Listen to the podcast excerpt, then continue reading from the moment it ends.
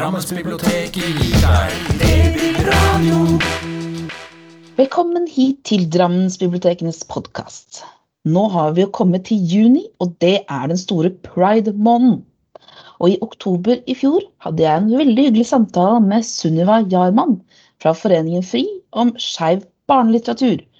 Her skal dere også få gleden av å høre den. Jeg heter Maria Balog Meldal, og i dag er jeg så heldig at jeg har med meg Sunniva Jarman. Hei, hei! Hei, Maria. Veldig hyggelig at du ville være med. Og du jobber jo i Foreningen FRI, eh, i det som kalles Rosa kompetanse. Det stemmer. Og eh, som jeg har forstått, så er Rosa kompetanse Dere hjelper bl.a. skoler, barnehager og andre institusjoner med hvordan de kan forholde seg til det her store mangfoldet av kjønn og legninger vi har i vårt samfunn. Og eh, du er teaterpedagog og jobber spesielt med barnehager, stemmer det? Det stemmer. Ja, Da er du veldig godt uh, rusta til å snakke om det temaet vårt i dag, og det er skeiv barnelitteratur. Og hva er skeiv barnelitteratur, Sunniva? Altså jeg tenker at Skeiv barnelitteratur det er f.eks. historier som formidler noe om det å bryte med noen normer i samfunnet. Enten knytta til kjønn eller til seksualitet. Eh, det kan f.eks. være historier som handler om ulike seksuelle orienteringer, eh, ulike kjønnsuttrykk eller kjønnsidentiteter, eh, eller familieformer som bryter med noen forventninger til hvordan man gjerne ser for seg at en familie ser ut. Ja, men Det synes jeg ut som en veldig bra, bra definisjon på skeiv barnelitteratur. Um, men hvorfor er det viktig at barn har tilgang til skeiv litteratur, egentlig? Kan de ikke bare lese alle de andre bøkene? Det er jo gjerne sånn at når man er barn eller ungdom, så er man jo på et sted i livet hvor man skal finne ut av, seg selv. Finne ut hvem man er. men for å kunne finne ut av hvem man er, så er man jo også avhengig av å kunne speile seg i, i omgivelsene. At man finner noen å speile seg i. Uh, og litteraturen gir jo generelt tilgang på, på, ulike erfaringer, nye ideer, og gir oss mennesker noen å speile oss i. Og så er det sånn at Vokser man opp som skeiv, så er det ikke gitt at man har så mange å speile egne følelser eller egen identitet i. Altså Det er ikke gitt at man f.eks. har uh, skeive voksenpersoner rundt seg, og barne-TV og lærebøkene på skolen og, barnekulturen generelt speiler jo fortsatt i, i all hovedsak majoriteten. Um, derfor er det så viktig tenker jeg, at barn og ungdom får tilgang på, på narrativer, f.eks. gjennom litteraturen, der man får mulighet til å se seg selv og relatere seg til det som, som formidles. Um, jeg leste et intervju med en forfatter som heter Kristin Fridtun, der hun sa at skeiv litteratur er både speil og vindu. Uh, og hun sa at den skeive litteraturen gir mulighet til å se at man ikke er alene. At man ikke er den eneste i verden som føler det sånn, eller, eller har det sånn. Eh, og at man gjennom den skeive litteraturen også får mulighet til å bli kjent med andre erfaringer enn sine egne. F.eks. minoritetens opplevelser dersom man selv tilhører en, en majoritet. Det var et kjempefint bilde. Speil og vindu. Det er nesten litt lyst til å stjele. det skal du få lov til, Maria. Ja, det, når du snakker om det der med, med, med, om det med vindu, hva er liksom fordelen for barn som, som ikke er skeive, med å lese bøker med skeiv tematikk? Mm. Ja, det handler jo akkurat om, om det vinduet, som du sier, å få mulighet til å bli kjent med samfunnet og, og verden rundt seg. Eh, jeg leste en gang et sitat av en svensk forlagsredaktør som heter Kristina Henkel. Eh, hun driver et forlag som heter Olika forlag, som er spesielt opptatt av at bøkene deres skal speile eh, det mangfoldige samfunnet som, som vi lever i. Og Kristina Henkel hun sa at vi kan si så mye vi vil at to jenter kan gifte seg, men hvis barna ikke ser det, så fins det ikke. Men hvis det fins i en bok, så, så fins det. Det syns jeg er så innmari, innmari fint sagt, og veldig sant. Ehm, jeg tenker at Når barn tidlig får tilgang på historier som speiler samfunnet på ulike vis, så blir man også bedre rusta til å møte det mangfoldet på, en, mm. god, eh, på en god og, og, trygg måte. Eh, og Der spiller også bibliotekene og barnehagene og skolen en viktig rolle i det å tilby barn og ungdom de bøkene som man kanskje ikke får i, i, tante, i julegave av tante, f.eks. Eh, altså, vi vet jo at ikke alle barn og ungdommer blir tilbudt eller får tilgang på, på skeiv litteratur hjemmefra. Og det er ikke engang gitt at det å være skeiv er noe som tematiseres hjemme i det mm. hele tatt. Eh, Og særlig for de barna og ungdommene så er det så viktig at skole og barnehage og, og bibliotek bistår i å tette de kunnskapshullene. Det er jo litt sånn vi kan oppleve i, i biblioteket også, at eh, foreldre, kanskje spesielt besteforeldre, men også foreldre, at de er kan litt rann, eh, konservative på en måte i hvilken litteratur de viser, viser barna. Um, I at de gjerne vil dele opplevelser de selv har fra sin egen eh, barndom med bøker. Og det er litt sånn, ja, men da tar vi Albert Aaberg og Torbjørn Egner og sånn, fordi de vet jeg, de er veldig fine, og jeg vil gjerne dele det. Og det er ikke noe gærent i det, det er kjempefint det, men det har kommet så veldig mye mer. Uh, som kanskje også reflekterer litt uh, andre ting enn det de, den litteraturen gjorde. Um, ja, det er, det er jeg helt enig i. At man må utvide litt litteraturen. Og så tenker jeg også at vi skal se um, potensialet for hva skal jeg si, skeive eller iallfall normbrytende uh, fortellinger inn i mye av den gamle eller eldre barnelitteraturen også. Ja, det sant. Eh, Jeg tenker Albert Aaberg, eksempel. Der har vi faktisk et eksempel på, eh, på en familieform som ikke er representert så ofte. En far som bor alene sammen med, sammen med sønnen sin. Der det aldri blir tematisert hvor en eventuell mamma måtte befinne seg. For det, det er ikke så viktig i den, den fortellingen. De er en, en, en fullstendig og komplett familie i, i seg selv også. Ja, det er sant. Jeg leste et intervju med Gunilla Bergstrøm om det der, liksom, hvor er mammaen? Eh, og tror hun sa liksom at vet du, det hadde hun ikke tenkt å si. Kanskje er mammaen ute og kjøper mjølk. Kanskje har det aldri vært på en måte en mamma i bildet i det hele tatt. Eh, og det ville hun på en måte skulle være opp til eh, hver enkelt. Det var ikke, noe, var ikke det viktige her, rett og slett. Mm, ikke sant? Ja, det er godt, godt sagt, tenker jeg. Ja. Mm. Og kanskje, var- kom vel på 70-tallet, så man var kanskje litt rad mer radikal på noen ting. Ja, ja faktisk. Det, er ikke, det, ikke, går ikke bare i én retning, det her. Definitivt ikke. Men altså, du snakka om det med ti å bli eksponert tidlig. Vil du si, Er det noe som er for ungt for å by, øh, vise barna skeiv litteratur? Da tenker jeg heller at jeg vil snu litt på det spørsmålet, og heller spørre altså når, når er man for ung da, til å lese om kjærlighet? Mm. når er man for ung til å, å lese om familie? Um, og så tenker jeg samtidig at, at det er absolutt et, et spørsmål jeg tror mange kan kjenne seg igjen i. Altså det er ikke så mange år siden det var en debatt der en norsk politiker på, på toppnivå stilte spørsmålstegn ved om det egentlig var greit å lese homoeventyr i, i barnehagen. Ja, det er det jeg tenkte på. Ja, ikke sant? Og det spørsmålet tenker jeg sier noe om hvordan vi som samfunn fortsatt har en tendens da, til å, å seksualisere skeiv kjærlighet. Um, for når vi leser framstillinger av heterofile kjernefamilier, så tenker vi jo ikke over om barna er klare for å bli kjent med en sånn type familieform. Fordi vi tar familieformen for gitt, ikke sant? Det er det naturlige for, for mange. Ja. Det er, øh, Fordi det er innafor norm, så Ja. så tenker vi ikke over, over at de også er en, en familie. Eh, som også har, har en, en, en kjærlighetsrelasjon. Eh, mens de fortellingene da, som viser normbrytende familieidentiteter, de, ja, de blir lettere lagt merke til og spør, også da stilt spørsmålstegn ved. Eh, men jeg tenker at så lenge barn er i stand til å protestere at uh, mummimamma og mummipappa er, er kjærester og glad i hverandre, så må vel også barn fint kunne prosessere at mammaene til Brillebjørn er, er glad i hverandre, for f.eks. Brillebjørn er så fin. Ja, Brillebjørn er så fin. Ja, Brillebjørn er fantastisk. Eh, og har nok vært en viktig samtalestarter i mange hjem, eh, tror jeg. Fordi Brillebjørn treffer så, så bredt. Og Brillebjørn jo også er et godt eksempel på, på litteratur hvor det skeive er til stede, uten at det tematiseres eh, direkte. Eh, ja, Det er altså en, en vending vi har sett i den skeive barnelitteraturen som jeg tror vi skal snakke litt mer om, om etterpå.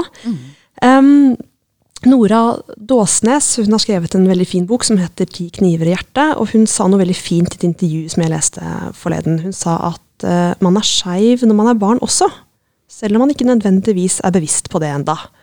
Uh, og det tenker jeg er helt sant, at Mange vet allerede når de er barn at de forelsker seg i folk av samme kjønn f.eks. Og de barna de fortjener også historier de kan kjenne seg i. Mm. Ja, jeg er, helt enig i det. det er jo, er jo en debatt som det er viktig å, viktig å snakke om det, eller det har vært, vært en debatt. Um, men hva vil du si at det er viktig å tenke på for ulike aldersgrupper når det kommer til litteratur med, med skeiv tematikk? Eh, Er det noe spesielt man bør, man bør tenke på eller være obs på? Jeg tenker at all litteratur må jo være alderstilpassa. Eh, Men det handler ikke om hvorvidt boka formidler skeiv eller ikke skeiv eh, tematikk. Det handler om måten man formidler eh, temaene på. Men så tenker jeg at det er, det er viktig generelt at litteratur som er retta mot barn og unge, eh, formidler håp. Enten det er snakk om skeiv eller ikke skeiv eh, litteratur. Det, det er viktig. Og ellers så har jeg grunnleggende tro på at god barnelitteratur kan snakke om alt. Og Der er jo f.eks. Gro Dale et, et godt eksempel på, på akkurat det. Og så ellers så tenker jeg at de skeive temaene de skiller seg jo ikke veldig fra de ikke-skeive. Altså man er, man er aldri for ung til å lese om kjærlighet eller familie, Mm. for den saks skyld. Og når, tenker på det, når man er for ung om, om kjærlighet, og man har jo noen ganger snakker om ah, hvis en gutt og en jente er venner, så er det sånn ah, er dere kjærester? Og det kan jo man begynne med liksom eh, å snakke om for at de er baby, nesten. Altså sånn, man, og, og da er det jo, snakker man jo om kjærlighet på samme måte. Man bare tenker ikke over det. Nei, absolutt ikke. Og hvis man idet man ser to gutter som sitter og leker i sandkassa sammen, sier at 'å, er de kjærester de da', så kan det være man blir møtt med en litt annen reaksjon. Absolutt. Det er et eksempel da, på dette, dette normbruddet som vi legger så innmari godt, godt merke til. Ja, veldig. Det starter veldig tidlig. Det starter tidlig. Ja. Det gjør det. Det er jo kommet, vi snakket om det er litt sånn utvikling eh, snakket om Brillebjørn og det med skeiv barnelitteratur nå. Um, hva uh, syns du er bra med den skeive barnelitteraturen på norsk som vi har, har nå? Der hvor vi er nå? Eh, Først og fremst syns jeg det er veldig fint å se at det på ganske få år har blitt utgitt langt flere uh, barnebøker med skeiv tematikk på norsk enn hva det har blitt, blitt tidligere. Det er blitt et langt større spekter av fortellinger og identiteter og erfaringer. Som rett og slett gir barn og unge et større utvalg av karakterer og historier som, som man kan kjenne seg igjen i eller lære om. Um, og tidligere så var også skeiv litteratur, altså skeiv voksenlitteratur, eh, synonymt med historier om ensomhet og lidelse og, og død. Uh, altså Fram til 50-tallet så var normen nærmest at alle homofile karakterer enten måtte dø, bli innlagt på psykiatrisk sykehus, eller på en eller annen måte ende opp uh, alene. Altså ikke mye håp å, å spore, uh, rett og slett.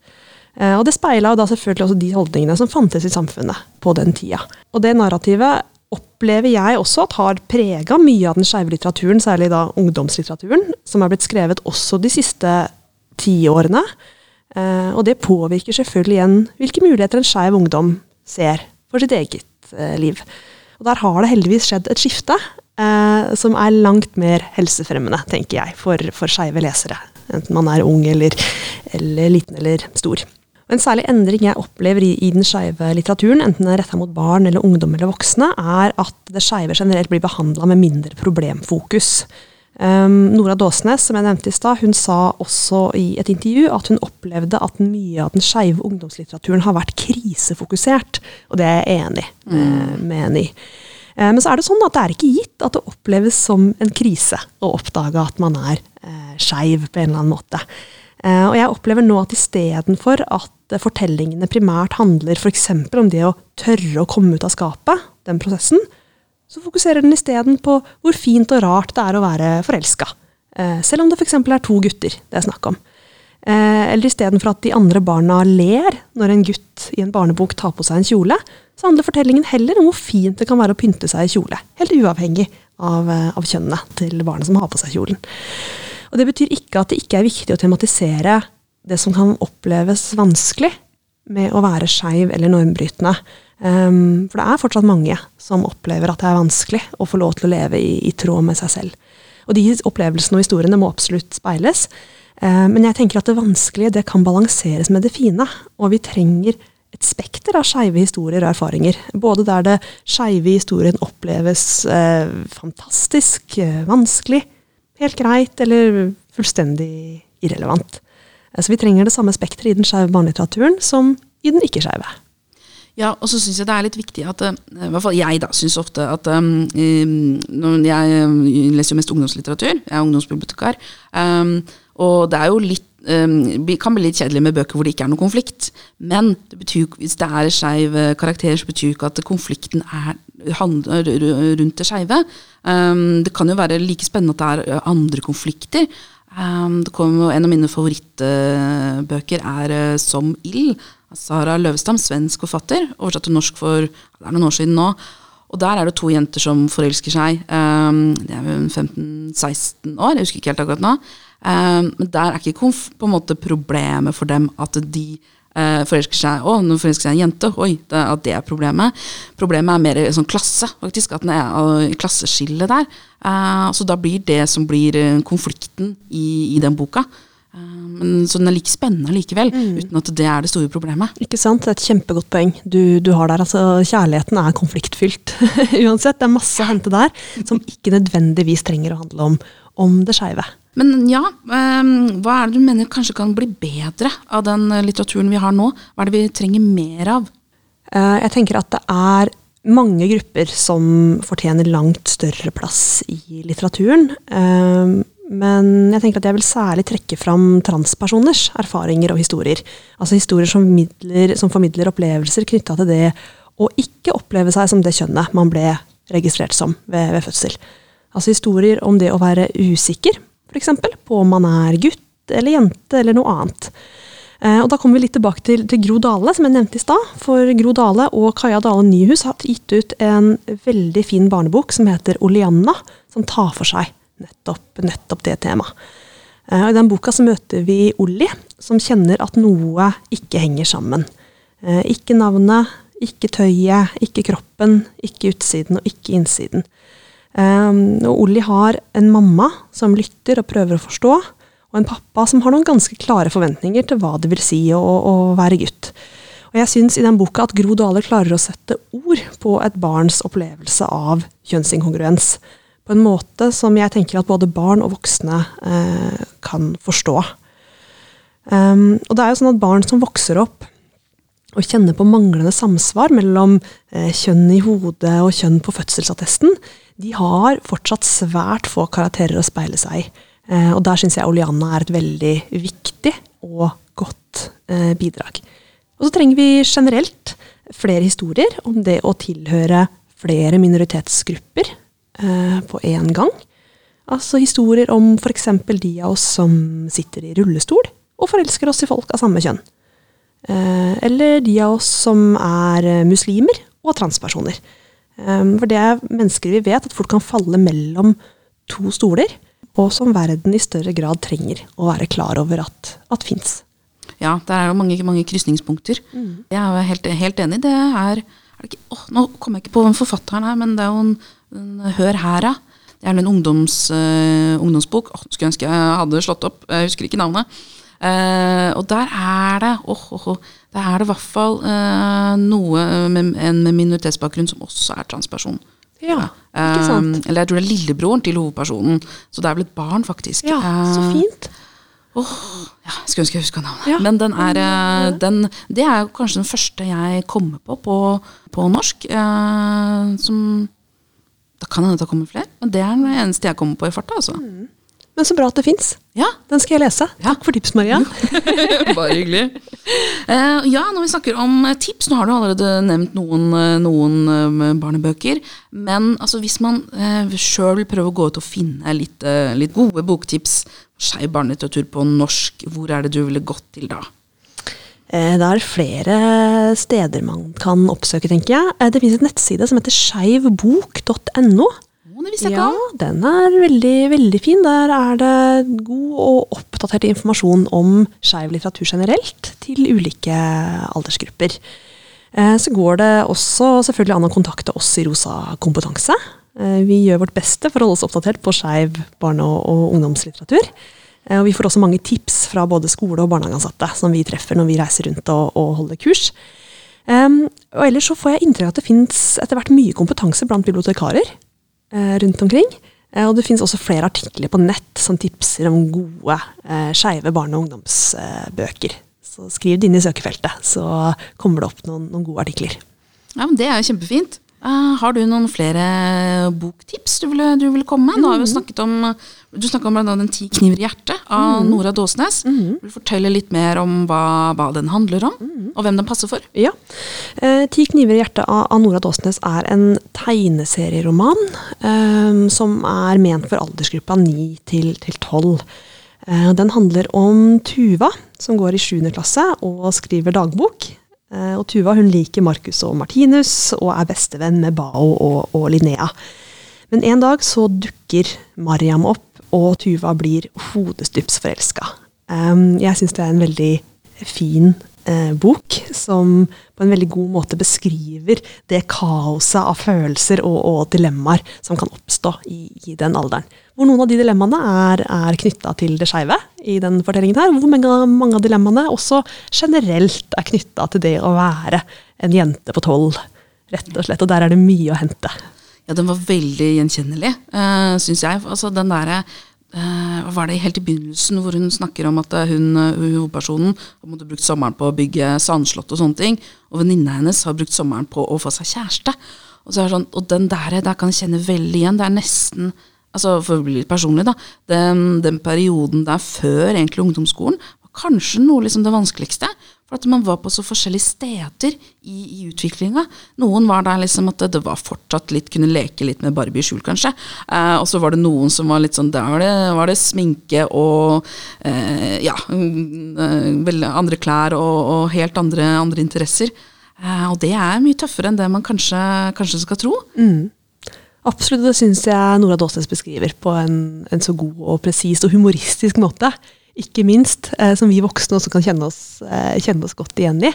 Og syns jeg hun setter veldig fint ord på hvordan de skeive sjuendeklassingene, da, de jentene som forelsker seg i jenter, eller både jenter og gutter f.eks., hvordan de også kan falle litt mellom to stoler i den overgangen fra barn til til ungdom. For det er jo et stort dilemma bare det å skulle, ja, som du sier, bestemme seg for om man skal være den jenta som bygger hytte i skogen, eller den jenta som hvisker opp kjærester i, i skolegården.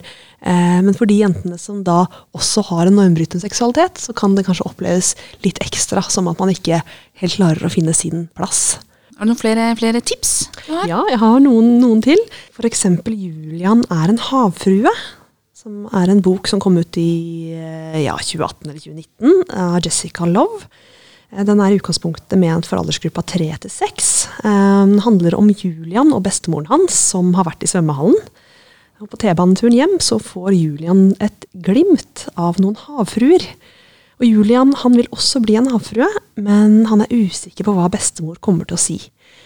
Ja, dette er en bok som kan leses på, på mange nivåer. Eh, det kan leses som en historie om et barn som har lyst til å kle seg ut. Og så kan det også leses eh, som en historie om, om identitet og kjønnsidentitet. Men jeg synes uansett det er en fin skildring av relasjonen mellom bestemor og barnebarn, og av betydningen av å bli sett som hele seg av sine nærmeste, hvor viktig det er. Eh, og den boka her, den ender rett og slett opp med så Nå kommer jeg med en liten, liten, avsløring her, men det må være lov, tenker jeg. Den ender opp med at bestemor tar med Julian i havfrueparade. Eh, og dermed liksom bekrefter da, viktigheten av å få være seg selv og være stolt av seg selv og sin egen eh, identitet. Eh, og litt sånn Apropos identitet og mangfold, så er jeg også glad for at dette er en bok som skildrer melaninrike figurer. Og også inkluderer et mangfold av ulike typer kropper. Eh, for barnelitteraturen trenger generelt å speile større deler av samfunnet vårt. Enten det er snakk om hudfarge, familieformer, eh, kjønnsidentitet eller ulike eh, kropper. Og det er en veldig vakker bok også, mm. vil jeg si. Veldig nydelig å se på, mm. rett og slett. Og det, jeg, det, skal man ikke kimse av. Absolutt ikke. Og det er fint at den kan leses på, av ulike aldersgrupper på, på ulike nivåer. Mm. Yeah. Jeg fikk jo også, Du nevnte jo det med, med den boka Gro, Gro Dale også. Og jeg også fikk litt sånn tanker til, til Gro Dale og hennes um, De bøkene hennes som gjerne omtaler, har litt vanskeligere temaer uh, enn det noen gang kan ha i barnelitteratur. Omsorgssvikt f.eks., for eksempel, eller foreldre som er veldig sinte. Uh, jeg tror hun snakka om dette um, for eh, vi voksne kan være litt sånn som syns at dette her blir veldig voldsomt. da. Eh, men at barn leser det etter sine egne De putter seg selv inn i bøkene. Leser ut fra egne erfaringer.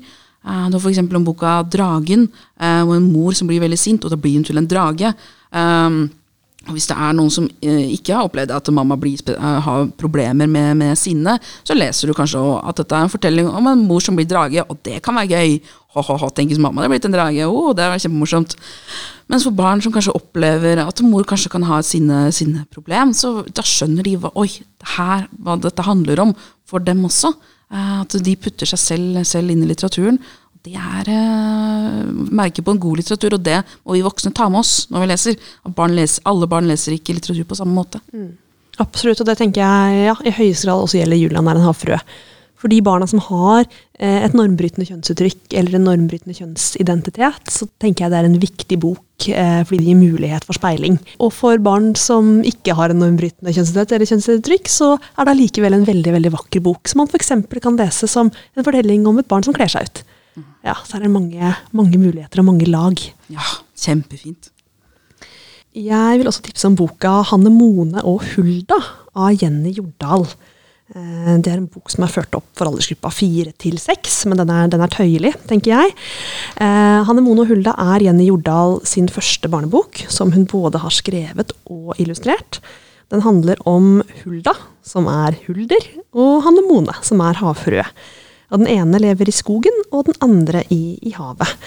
Og En gang i året så er det duka for fest, og da skal både huldre og havfruer finne seg kjærester.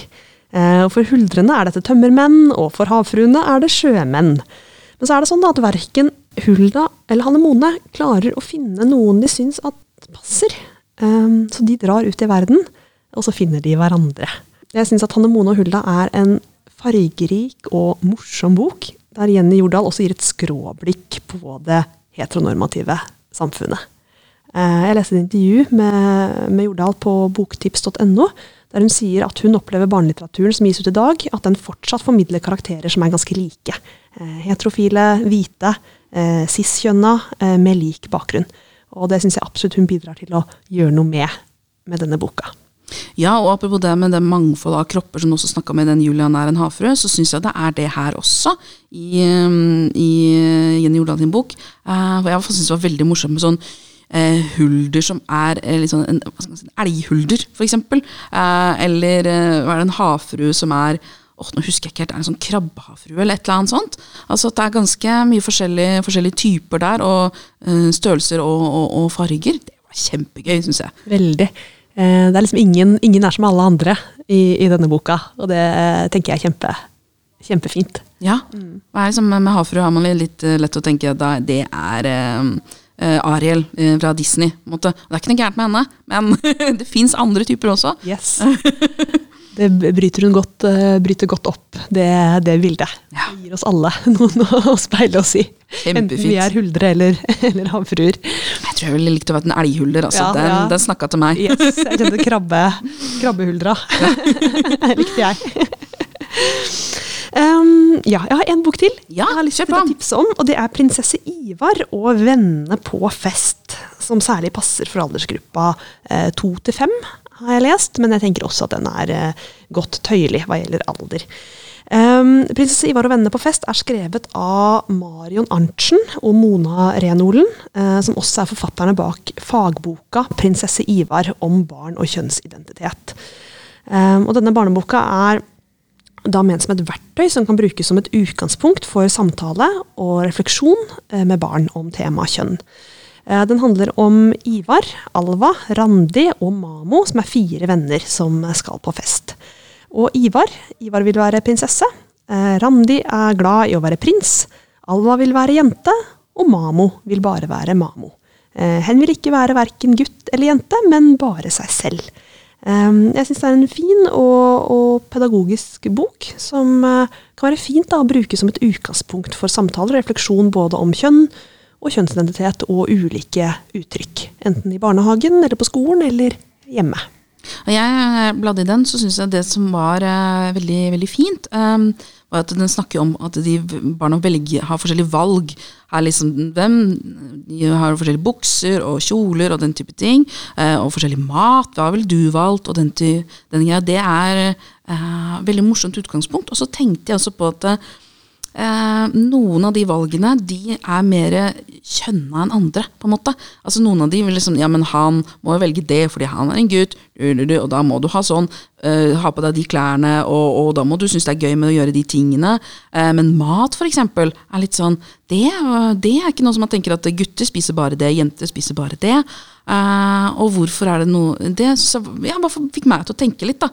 Eh, hvorfor er mm, Hvordan man legger kjønn i forskjellige valg, men i no, ikke i alt. Det hadde jeg ikke tenkt på før. Absolutt. Det er godt, eh, det er et godt poeng du, du kommer med der. Så nei, den eh, kan absolutt brukes som et, et godt verktøy å gi barn. Apropos noen å, å speile seg i, da. Her har vi ulike figurer med ulike preferanser, hvor ikke kjønn trenger å være det som er styrende. For hva man liker å ha på seg, og hva man liker å leke med, og hva man har lyst til å ha med seg på fest. Så boka bidrar da til å utvide det, det handlingsrommet på en, på en artig eh, måte. Ja, og så syns jeg det var så fint med en, uh, en karakter eh, som har pronomen hen også. Det er ikke sånn kjempe, kjempemange av i norsk barnelitteratur. Jeg tror faktisk dette er det første barneboka som jeg kjenner til, i hvert fall på norsk, Ja, det eh, som tror jeg bruker også. pronomen som, uh, som hen. Ja, jeg vil gjerne høre om det hvis, har, hvis det er noen flere også. Forhåpentligvis kommer det flere. Ja, tusen takk, for det her var kjempemange mange fine tips. Og tusen takk for at du vil komme hit, eh, Sunniva. Jeg, jeg syns det har vært veldig veldig spennende å, å snakke med deg. Og i dag har vi snakka om veldig mye forskjellige eh, bøker. eh, men vi har annet snakket om Ti kniver i hjertet av Nora Dåsnes. Julian er en havfrue av Jessica Love. Hanne Mone og Hulda av Jenny Jordal. Prinsesse Ivar og venner på fest av Marion Arntzen, Mona eh, Renolen og Alva Løvgren. Og eh, Oliana eh, av Gro Dale og Kaja Dale Nyhus. Og vi har vært Sunniva Jarman fra Foreningen FRI og meg, Maria Balog Meldal. Dette var altså samtalen jeg hadde med Sunniva Jarman i oktober i fjor 2020. Ansvarlig redaktør for Drammensbibliotekenes podkast er biblioteksjef Jørgen Hovda. Tusen takk for at du hørte på, og ha en strålende pride.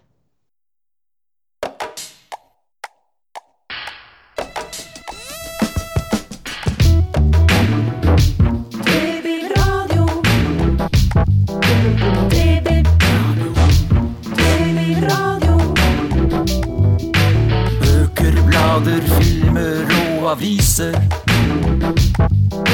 Bilder, data, spill, musikk og nett. Babyradio. Myldring, lesing, leking og læring. Utstilling, turnering og kultur.